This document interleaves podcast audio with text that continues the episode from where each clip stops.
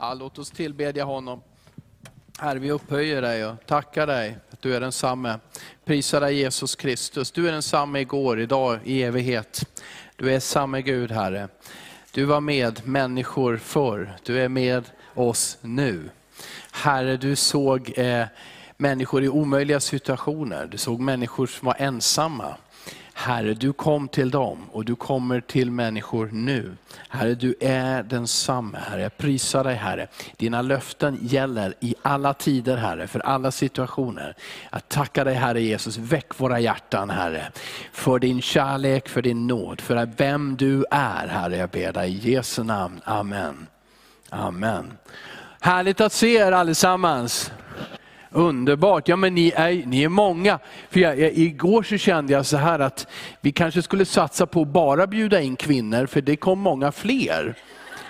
Eh, eh, men, men nu ser jag gubbar också, härligt att ni också är här hörni. Och nu är vi tillsammans idag och nu ska jag predika Guds ord. Och jag vill eh, eh av, avsluta kapitel 13. Eh, som, för tredje gången som jag återvänder till det här kapitlet och ska läsa de sista verserna i Jesu tal om den sista tiden.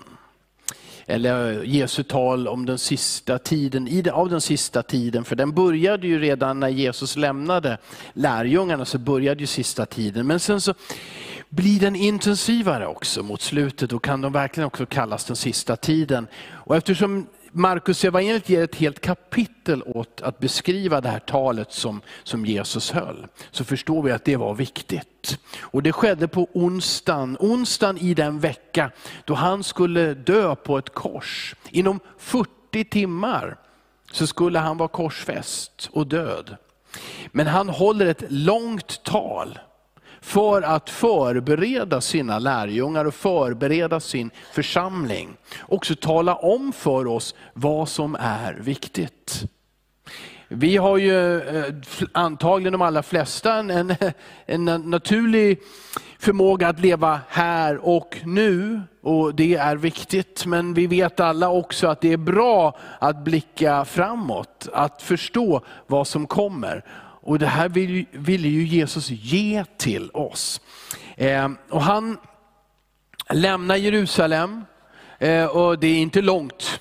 För att idag så är det i Jerusalem, de går liksom ner från det som, den kulle som tempelberget är, så att säga, går över Kidrondalen som inte är någon jättestor dal, eh, och så upp på en annan kulle som heter Olivberget, eller Oljeberget, Olivberget. Och där så sätter han sig och de ser det magnifika templet eh, som Herodes lät bygga och som fortfarande var i byggnation. Det, det här bygget pågick ju under ungefär 80 år eh, och hade nu kommit en bra bit på väg. Och det var mycket guld och det var mycket marmor och det var stort och imponerande. Och Jesus sa till lärjungarna, ja det är imponerande men ingenting ska lämnas kvar, det ska rivas sten för sten. Och det här var den onsdag och de sitter på Olivberget. Eh, Olivberget är också den plats som profeten Sakarja säger, när Messias kommer så ska han ställa sina fötter på det berget. Och då ska han besegra Jerusalems fiender. Det är profetiskt. Men det skedde inte då, utan det väntar och blickar framåt mot Jesu återkomst. Men det handlar också om detta Olivberg. Det här var också den plats då 40 dagar efter påsk, alltså 42 dagar i det här fallet, då, från att Jesus säger det, så kommer han stå där eh, och lärjungarna med honom och så kommer han att lyftas upp till himlen bortom deras blickar. Och änglar visar sig och säger Jesus ska komma tillbaka på samma sätt som ni har sett honom lyftas upp. Också det är på Olivberget. Och det här ger oss perspektiv. Jag lever i Skiftinge, men det handlar inte om Skiftinge här. Vi, lever, vi bor i Eskilstuna, men det handlar inte främst om Eskilstuna. Eh, Stockholm är en huvudstad, den är häftig, men det handlar inte om den heller. Jag har bott i Bryssel, det är kanske Europas huvudstad, kan vara omdiskuterat, men det är viktigt för makten i Europa. New York är en häftig stad att besöka. Men enligt det här, så historien, det, det, händer, det händer där på en kulle. i Jerusalem. Olivberget, Jerusalem. Det här ger oss perspektiv. Eh, så det kan, det kan inte vara ointressant för dig som säger att du följer Jesus. Det, inte, det kan inte vara ointressant vad som sker i Jerusalem och i Israel. Och just att dra lektioner för oss, lärdomar, hur vi kan leva i den sista tiden. Så, så är det här det första jag vill säga. Livet i, i sista tiden handlar om medvetna val, och i det här fallet att intressera sig för det som ligger på Guds hjärta. Och det han gör och det han säger, det här är centralt och det här är också en viktig plats. Den kristna kyrkan, du och jag, kan aldrig säga, jag fattar inte det där med Israel och jag bryr mig inte om det. Och samtidigt säga, Jesus jag vill göra din vilja och följa dig. Förstår du? Eh, det här hänger ihop för Gud. Eh, missa inte om tre veckor så ska vi ha en helg som heter just Vad är grejen med Israel? En lördag, lördag förmiddag till, ja, mitten, ja, från 10 till 15. Ingen lång lördag, men missa inte den. Thomas Dixon kommer, han är journalist, han är predikant, han är påläst, berest. Eh, mycket intressant, kommer också tala på söndagen. Kommer också möta ungdomarna på fredagskvällen. Eh, missa inte den helgen. Vad är grejen med Israel som det står där? För det här är på Guds hjärta. Så Det är klart att ditt och mitt liv så mycket handlar om dig och mig här och nu. Som sagt, jag bor i Skiftinge, jag jobbar i Pingkyrkan och min familj är här. Och, Det är klart att, att livet händer här och nu. Men jag vill ju också förstå vad Gud vill. Och jag vill förstå vad som är på hans hjärta och följa honom. Och det vet jag, eller jag tror att du också vill det. Och då har han sagt saker som är viktiga för oss att ta till oss och som blir oss till en hjälp. Eller hur? För när du och jag läser nyheter och många av oss tröttnar och lyssna och titta på nyheter för vi tycker det är så mycket som händer och vi förstår inte var ligger makten och vem gör det här och så vidare och vad behöver vi eh, göra för att rädda klimatet för vi gör vi en sak så så ändrar vi på den och då förstör vi klimatet på det andra sättet. Och, och så vet man liksom, men då är det viktigt för dig och mig, om du ska leva med frid och trygghet, att ditt hjärta jag vill veta Gud, vad är på ditt hjärta? Vad gör du? Vad har du bestämt? Lärjungarnas frågor, jag, har ju, jag återkommer till det som jag har predikat de sista gångerna, men vill jag att alla ska vara med, också du som är ny. Ehm, lärjungarnas frågor gäller, ja men du säger att templet ska förstöras. Eh, och, och, när ska det ske? Och det skedde ju år 70 redan, alltså 40 år efter att Jesus sa det. Men de frågar också, när ska du komma tillbaka? Och Det här tycker jag är, är, är viktigt för oss att tänka, va? jaha, de frågar om när han ska komma tillbaka. Jesus är med dem hela tiden. Men de frågar, när ska du komma tillbaka?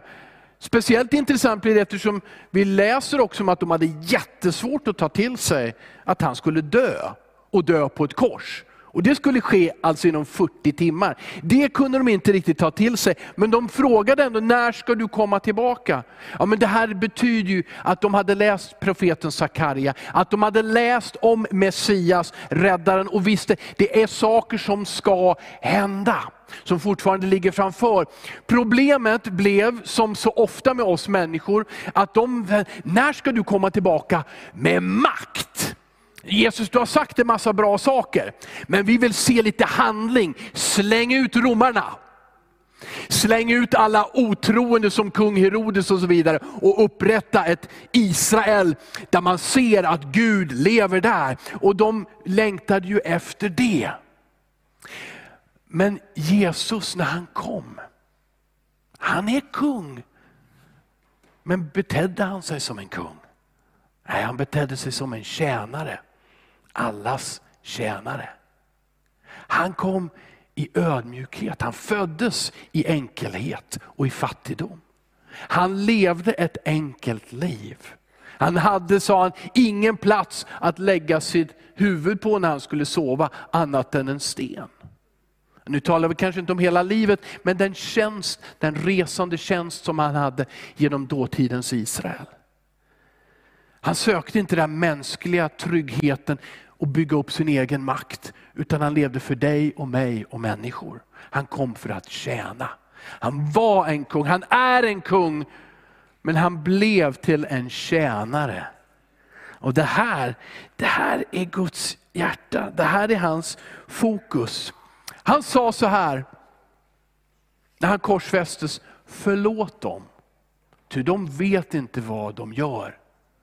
Det gällde först och främst de laglärda, fariseerna, de skriftlärda som fick Jesus korsfäst. Absolut. De som stod där och hånade honom och sa, visa i makt att du är Guds son, stig ner ifrån korset. Men jag tycker inte att det är svårt att argumentera för att de orden gällde hela mänskligheten. Förlåt dem för vad de gör, för de förstår inte vad de gör. Det här är tjänaren som visar Guds kärlek, inte genom att regera och imponera med sin skönhet och sin makt. Utan han ger sitt liv för dig och mig och hela mänskligheten. Och han vet hur imponerade vi blir av vackra byggnader, då för 2000 och idag. Han vet hur imponerade vi blir av Will Smith som slår till Chris Rock på en Oscargala. Oh, rika människor, gör de också sånt där? Då han vet hur lätt vi, vi dras med av potentater, Putin eller någon annan. Imponerade av de som är rika. Han vet det och han säger förlåt dem far, för de fattar inte vad det är de längtar efter. Och hur fördärvligt det är att lita på sig själv och sina pengar och på sin egen makt. Förlåt dem, för de förstår inte vad de gör. Detta säger han på korset, när han hånas, när han korsfäst som oskyldig av kärlek till dig och mig. Det här är Jesus, tjänaren, kungen som kom för att tjäna. Livet i den sista tiden handlar om att följa en sån kung som kom för att tjäna andra. Det handlar om ödmjukhet. Att upptäcka vem Jesus är, det, det, det kräver ett medvetet sökande. Jag säger, ger er ett tips, något som inte funkar. Ja, om Gud älskar mig och bryr sig så kan han ju göra någonting. Han har inte brytt sig hittills. Det är, så vanligt att människor som, inte, som säger sig gå genom livet och inte tro på Gud. Ja, men om Gud finns så kan han ge mig en bättre bil. Fixa det här och det här. Men inte som en besserwisser, alltså någon som vet bättre, men det funkar inte. Det enda som hjälper är ett medvetet sökande. Vem var Jesus? Vem var han? Och Det handlar om ödmjukhet. Det handlar om beredskap att säga, jag hade fel. Jag tog fel. Jag vänder om. Jag behöver något nytt och jag behöver Jesus. Det här är att följa honom om man också vill finna honom. Den tredje frågan var ju, vad är tecknet på den yttersta tiden?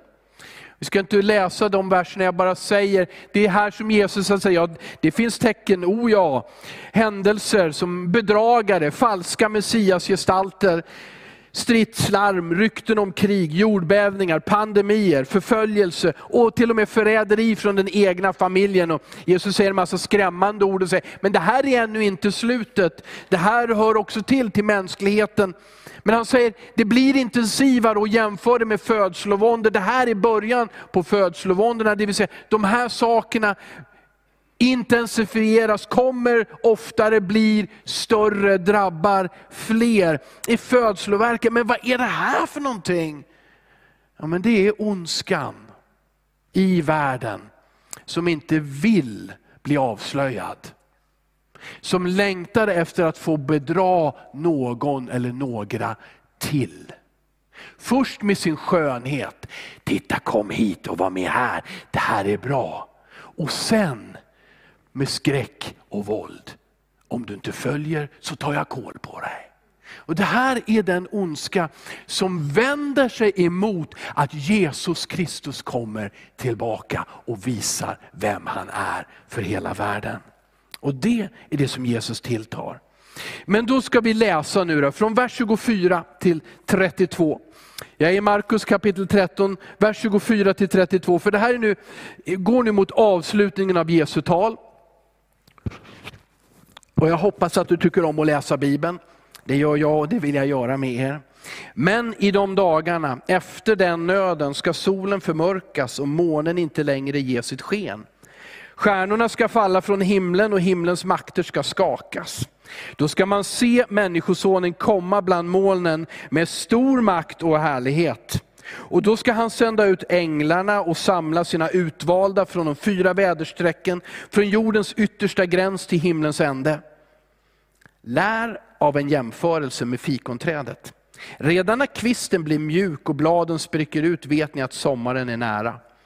På samma sätt vet ni när ni ser allt detta hända att han är nära och står för dörren. Jag säger er sanningen, det här släktet ska inte förgå förrän allt detta sker. Himmel och jord ska förgå, men mina ord ska aldrig förgå.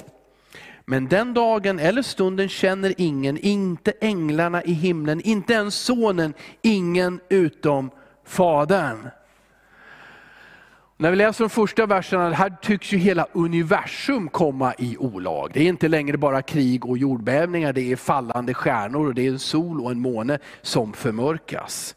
Nu talar inte Jesus om de här 2000, sista 2000 åren och de före, det också utav krig och jordbävningar och olika saker. Utan nu talar han om det som han har nämnt tidigare, det som kallas för den stora nöden eller vedermödan. Och säger att efter den och det Bibeln definierar någon annanstans till en sjuårsperiod, alldeles i slutet, innan Jesus kommer tillbaka. Så efter den så kommer ni se de här stora, enormt, också skrämmande sakerna hända. Eh, och, och, Jesus, eh, men Jesus säger sen, då, då i, bara för att jag ska följa här ordentligt skriften, vers 26. Då, säger han, boom, där, när det är som värst, då ska människosonen komma tillbaka. Det här är Jesus sätt att tala om sig själv i tredje person. Låter som han talar om någon annan, men han talar om sig själv, människosonen. Guds son som blev människa. Då ska han komma tillbaka. Hörde, det är alltid så. När du och jag tycker att det är som värst och som mest hopplöst, han sviker aldrig. Han kommer. Det här gäller världshistorien och det gäller dig och mig. Vi tycker att nu går det inte längre. Nu är det för sent Gud. Men han kommer aldrig för sent. Han, precis som de sjöng här, han är densamme igår, idag, i evighet. Han säger, håller att lita på. Och det står att han ska sända ut änglar och de ska samla hans utvalda från jordens alla väderstreck, alltså jordens alla hörn. Vilka är de utvalda? Det är de som tillhör honom. Okej? Okay? Jag går inte in på hela den där teologin som är en missuppfattning om att ja, men de andra de blev inte valda, jag kanske inte heller blev vald. Nej, nej, nej, nej. Om du har en längtan efter Jesus i ditt hjärta, då är det för att du är utvald. Oroa dig inte. Och säg inte heller, men han där borta, han är inte så intresserad av Jesus, så han är inte utvald. Nej, nej, nej, nej. Det är inte upp till dig och mig. För Gud säger så tydligt, jag vill att alla människor ska bli frälsta. Amen. Men Gud är också lite smartare än du och jag, och lite visare, och han vet också vem som kommer att säga ja. Han, det här, vad det här säger att han kommer för dem som tillhör honom. Han sviker aldrig. Han sviker aldrig. Han är trofast. det står i vers 20 också, som vi inte läste nu, att för deras skull så förkortar han också lidandet. Och vi tänker, lidandet är för långt, det är för mycket, det är för svårt. Och sju år av intensivt lidande på jorden, usch vad hemskt. Men han säger, för er skull så kortar han ner det. Och, den sista, och, och, och i vers 20 så säger han, även om ni ska bli hatade av alla för mitt namns skull, så den som håller ut till slutet ska vad då? Ska bli frälst. Han är trofast. Han räddar. Det här är Gud. Och Det här är också en viktig sak för oss om, att, om livet i den sista tiden. Att vi, när vi hör Jesu ord så lär vi känna vi märker, vi får motstånd från världen. Det vill säga från de som inte ta, känner Gud. Men vi lär också känna Guds godhet och Guds trofasthet. Guds godhet och Guds trofasthet. Så här säger Jesus i Johannes 15 och 20 i några underbara, i en underbar vers, några underbara ord. Eller så är de inte det. Lyssna. Kom ihåg vad jag sagt. Tjänaren är inte större än sin herre. Har de förföljt mig ska de också förfölja er. Har de bevarat mitt ord så ska de också bevara ert. Det var både jobbigt och underbart. Men Jesus säger det, jag är en tjänare och jag blev förföljd. Men ni kallar mig mästare och följer mig. Förstå det, att följer ni mig då möter ni också på motstånd. Men ni kommer också att möta dem som tar emot Guds ord, som tror, precis som ni har trott. Så bli inte förskräckt säger Jesus. Var inte rädd, bekymra er inte säger han. Eller hur? Vad hjälper det dig och mig om vi säger när det är tufft, nu har du lämnat mig Gud, fy vad jobbigt det är. Jag hörde att de pratade om frälsning, men jag fick bara elände. Vad som hjälper dig och mig är att säga, det här är ett tillfälle för Gud att visa sin godhet och sin trofasthet. Det är det som hjälper dig och mig. Att gå igenom tuffa kriser, till och med lidande, till och med tider där vi tycker att Gud ännu inte har svarat på bön. Och är det någon som, ja men det vi tycker väl alla, Jesus har ännu inte kommit tillbaka. Det finns saker som vi väntar på. Men han är god och han vill i våra situationer visa vem han är. Hans trofasthet, hans godhet. Och, det här, och Jag måste återkomma till det här känner jag. För det här, här är det judiska folket ett exempel för dig och mig som inte är judar. I alla fall de allra flesta av oss är inte det. De är ett exempel. Majoriteten av judarna på den tiden sa nej till Jesus. Inte lärjungarna förstås, de var ju alla judar och många andra som trodde. Men majoriteten sa nej, det här kan inte vara Messias, vi följer honom inte och han blev korsfäst. Men Gud har inte svikit Israel eller övergett det till denna dag. Det här är jätteviktigt. För om Gud hade gjort det, om han hade sagt, jag har tröttnat på dem, jag vill inte längre ha dem, det här hjälper inte, jag börjar om med någon annan. Då skulle han också kunna göra samma sak mot dig och mig.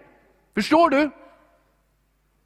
Men om Gud är på samma sätt i alla tider, då är hans trofasthet och kallelsen till det judiska folket och Israel ett bevis på att han aldrig kommer att svika dig. Han kommer aldrig att svika sin församling. Han håller sina löften. Amen.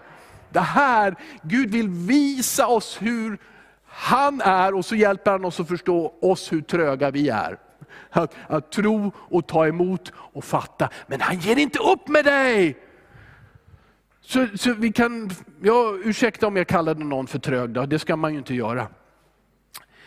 Men, men även om du känner dig trög och har svårt att tro, men Gud ger aldrig upp. Han älskar dig. Han har bestämt sig för dig. Han sviker inte dig, även om du både gör misstag och medvetna dumheter. Han sviker inte dig, han stänger inte dörren i ditt ansikte. Det här är Guds väsen. Vilken nåd att få lära känna Gud och att han är så god. Halleluja. Så, amen. Vi kan tacka Gud för tuffa tider, för då kan vi lära känna hur god han är. Han säger åt oss, lär, oss, lär er utav fikonträdet. Fikonträdet är ett av de få träden i Israel som tappar sina löv på vintern. Så han säger, när, när, det, när, det, när det börjar komma löv, då vet ni, då är någonting på gång. Och vad skönt, det är inte en skrämmande bild. Det är skrämmande saker som händer, men bilden är inte skrämmande, eller hur? Ett träd som börjar blomma, ger sina blad och kommer att ge frukt. Det betyder att våren är på gång. Sommaren är nära. Det här är en underbar bild. Och han säger så här, eh, jag tittar vad jag har skrivit. Han är nära och står för dörren. Det är ingen hotfull kille som står för dörren. Det är Jesus Kristus. Han är vår bästa vän, vår räddare och han är framme vid dörren. Vilken underbar bild. Uppenbarelseboken 3.20 säger så här, då säger Jesus, se jag står vid dörren och knackar. Om någon hör min röst och öppnar dörren ska jag gå in till honom och hålla måltid med honom och han med mig. Livet i den sista tiden handlar om att släppa in Jesus. Han knackar och bultar på vårt hjärtas dörr. Han är nära. Och han talar om en vår och en sommar. Han talar om sin återkomst. Och versen innan står, visa iver, vänd om. Kallar han på dig nu? Bultar han på ditt hjärta idag, i den här tiden? Känner du det? Talar han in i det som är ditt samvete? Vänd om nu. Släpp in honom. Han vill hålla måltid med dig. Det är gemenskap. I den kulturen Jesus kom från så är det gemenskap. Jag kommer in till dig, du kommer hem till mig. Vi äter tillsammans, vi är bröder, vi är systrar. Det här är Jesus som knackar på ditt hjärta. Han tar det inte med våld, han knackar. Du kan öppna. Du kan bjuda in honom. Ta emot honom. Och han vill ha gemenskap med dig. Måltidsgemenskap. Peder ska strax leda oss i nattvardsgemenskap. En måltid med Jesus Kristus. Då så står det så här, det här är en, en, en, vers som är speciell. Den är väldigt omdiskuterad hur man ska förstå den. Jag säger det sanningen, vers 30. Det här släktet ska inte förgå förrän allt detta sker. Ja, men vad är det Jesus säger? Du kanske inte vet om att det här är diskuterat, men det blir diskuterat. Vem gäller det här? Gäller det de som hörde Jesus, det här släktet, den här generationen ska inte förgå. Ja, då verkar det som både Jesus och lärjungarna kanske tog miste delvis för att eh, de dog ju och sen dog nästa generation och nästa generation. Nu har gått 2000 år och det släktet såg ut som det dog ut. Så det känns ju inte direkt som om det är den tolkningen, även om den är en möjlighet. Det grekiska ordet är genea, släkting, det, släkte. Släkte kan också betyda ras. Det kan vara, säger en del, att det syftar på det judiska folket. Det ska aldrig förgås. Och det är sannerligen ett mirakel, eller hur? Att det finns ett judiskt folk idag. Att det finns en stat som heter Israel. Det här folket som blev förbjudet av den romerska kejsaren att ens leva i det landet eh, ungefär 130 efter Kristus. Det här folket som har splittrats upp över olika världsdelar och, och lidit förföljelse, progromer. Om och om igen med något slags fruktansvärt ultimat eh, klimax i andra världskriget. Där Hitler och andra sa, nu ska vi utrota varenda en. Det här folket lever. Gud sviker aldrig. Det kanske är det som Jesus säger. En, en tredje möjlig tolkning det är att den gäller just människor i den sista tiden. Att när det här börjar ske, när fikonträdet liksom börjar knoppas, när händelser sker, då går det fort. Då kommer den generationen som ser början på detta inte dö förrän Jesus kommer tillbaka. Spännande. med Jesu återkomst. Vad litar du på? Vem litar du på? Det stod så här i vers 31, himmel och jord ska förgå, men mina ord ska aldrig förgå. Han säger många sanningar, så där i förbefarten. Ja, inte bara Jerusalem utan, och templet, utan himmel och jord ska förgå. Men mina ord ska aldrig förgå. Och Det här gäller naturligtvis först och främst det han säger om sin återkomst, men det gäller självklart också alla Jesu ord. Vem litar du och jag på? Litar vi på politiker? Ja det kan vi göra, men på ett vettigt sätt. Litar vi, litar vi på byggnader? Litar vi på pengar och rikedom? Eller litar vi på Jesu ord? Och det här är utmanande till dig och mig, för du och jag, vi vet hur vi tänker. Vi vet hur vi funkar känslomässigt, hur vi tyr oss till människor och olika kryckor som vi vill ha genom livet. Men han säger, mina ord ska aldrig förgås. Och de är uppskrivna i en bok som heter Bibeln. Och den får inte ligga och damma. Och har du den bara på telefonen, då öppna den appen och inte alla andra appar. Den, det här är Jesu ord, det är det som inte förgås. Det andra kommer och går. Men Jesu ord består. Det här är att leva i den sista tiden. Eh, han sa, ja det här vill jag också kommentera. Vers 32. Men den dagen eller stunden, alltså när jag ska komma tillbaka, säger han, den känner ingen, inte änglarna i himlen, inte ens sonen, ingen utom fadern. Och nu möter jag på det att många säger, ja Jesus vet inte ens om när han ska komma tillbaka, vad intressant. Men det är inte det han säger. Han säger att då, som människa, för Jesus blev verkligen människa. Och han fick bara den kunskap som han behövde. Och Det står att han fick den kunskapen av sin fader i bön. Och han fick den kraft han behövde genom den helige ande. Nu sitter Jesus på majestätets högra sida, i höjden står det i Bibeln. Nu vet han precis allting. När han blev människa så avsade han sig alla de där fantastiska, imponerande attributen av allvetande och allmakt. Men när han sände sina lärjungar, vad sa han? Mig är given all makt i himmel och på jorden. Jesus kan allt, han vet allt. Han vet också mycket väl när han ska komma tillbaka. Men då visste han det inte. Och det här gör Jesus till ett exempel för dig och mig. Jag har sagt det tidigare, han var inte supermannen, stålmannen, blixten eller vem som helst som kom och imponerade. Jag kan det här, vush, vush, vush. Det var inte det. Han var en människa som du och jag.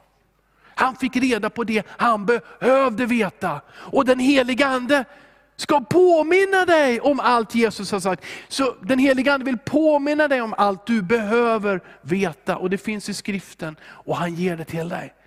Han var beroende av den heliga Ande för att göra under och tecken. Och det är du och jag med.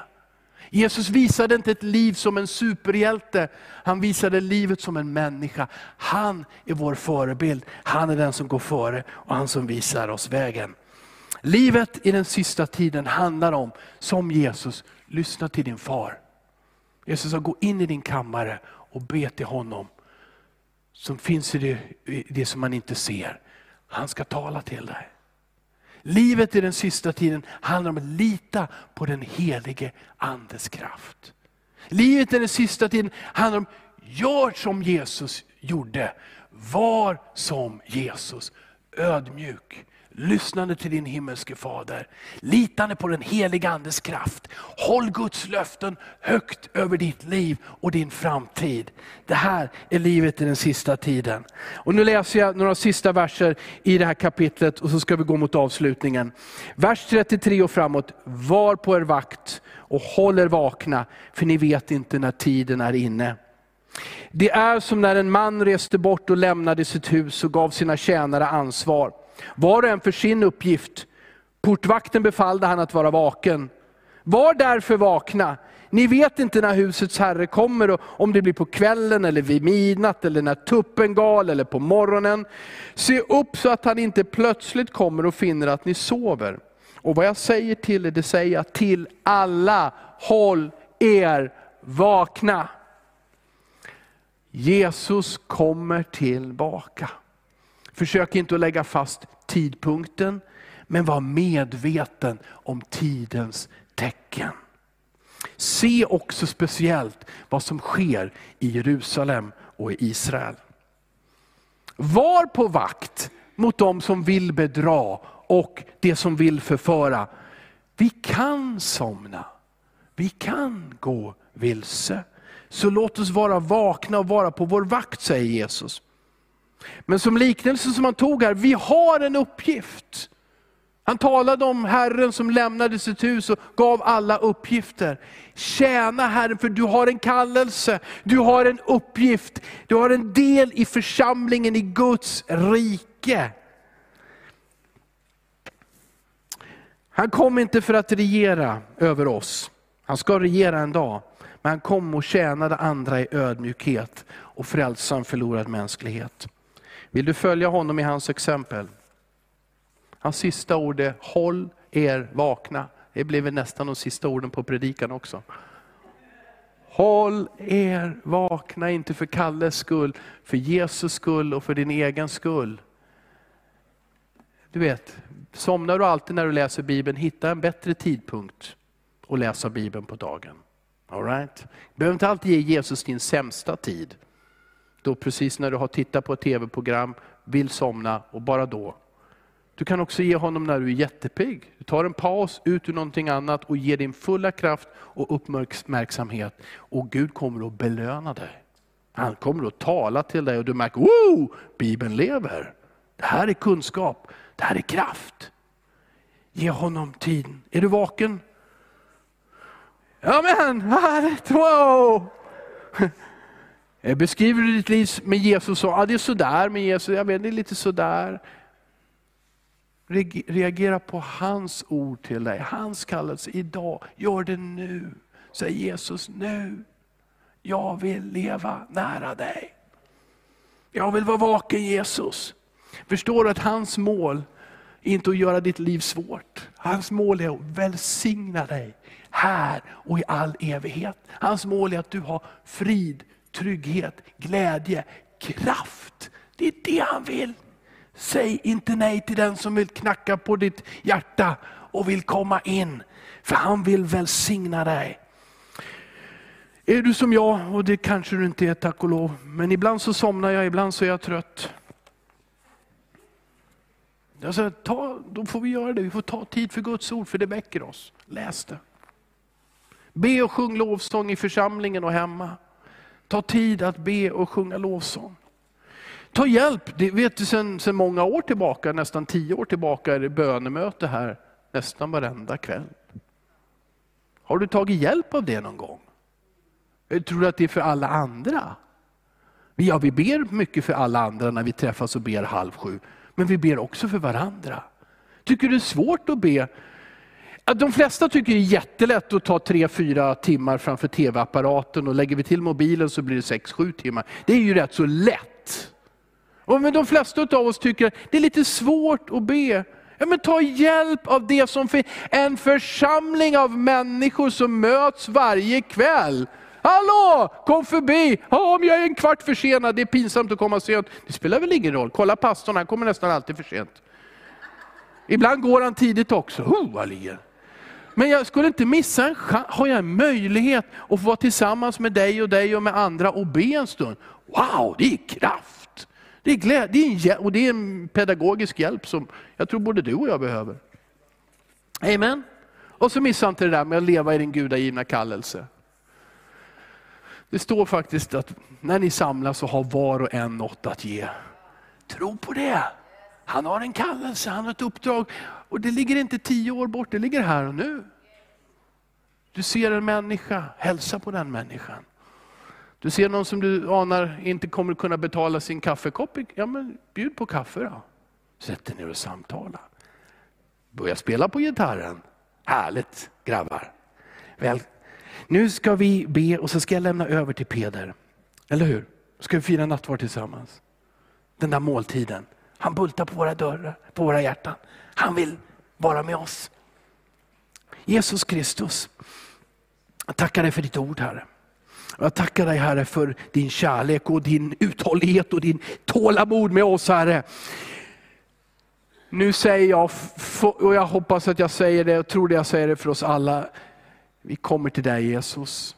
Tack för att vi får komma som vi är. Tack för att du älskar oss och tar emot oss. Tack för att du förlåter oss vår synd som du själv bar i din kropp på korset. Tack för att du har brutit dödens makt, dödsfruktan. Du har brutit synden och det dåliga samvetets makt. För att göra oss fria, levande, upprättgående människor som gläder sig över livet. Som lever med dig. Herre, vi vill vara vakna idag. Och vi vill vara vakna den dag du kommer, om det är idag eller en annan dag. Herre, vi vill tjäna dig. Tack för att du välkomnar alla in i din familj. Du ger din kärlek och du ger din ande och din frälsning till alla som kommer till dig. Tack för det. Välsigna mina vänner, mina bröder, mina systrar Herre. Och välsigna din församling idag och välsigna Israel och det judiska folket och vad du gör Herre. Vi vill vara med när du kommer tillbaka. I Jesu namn. Amen. Amen.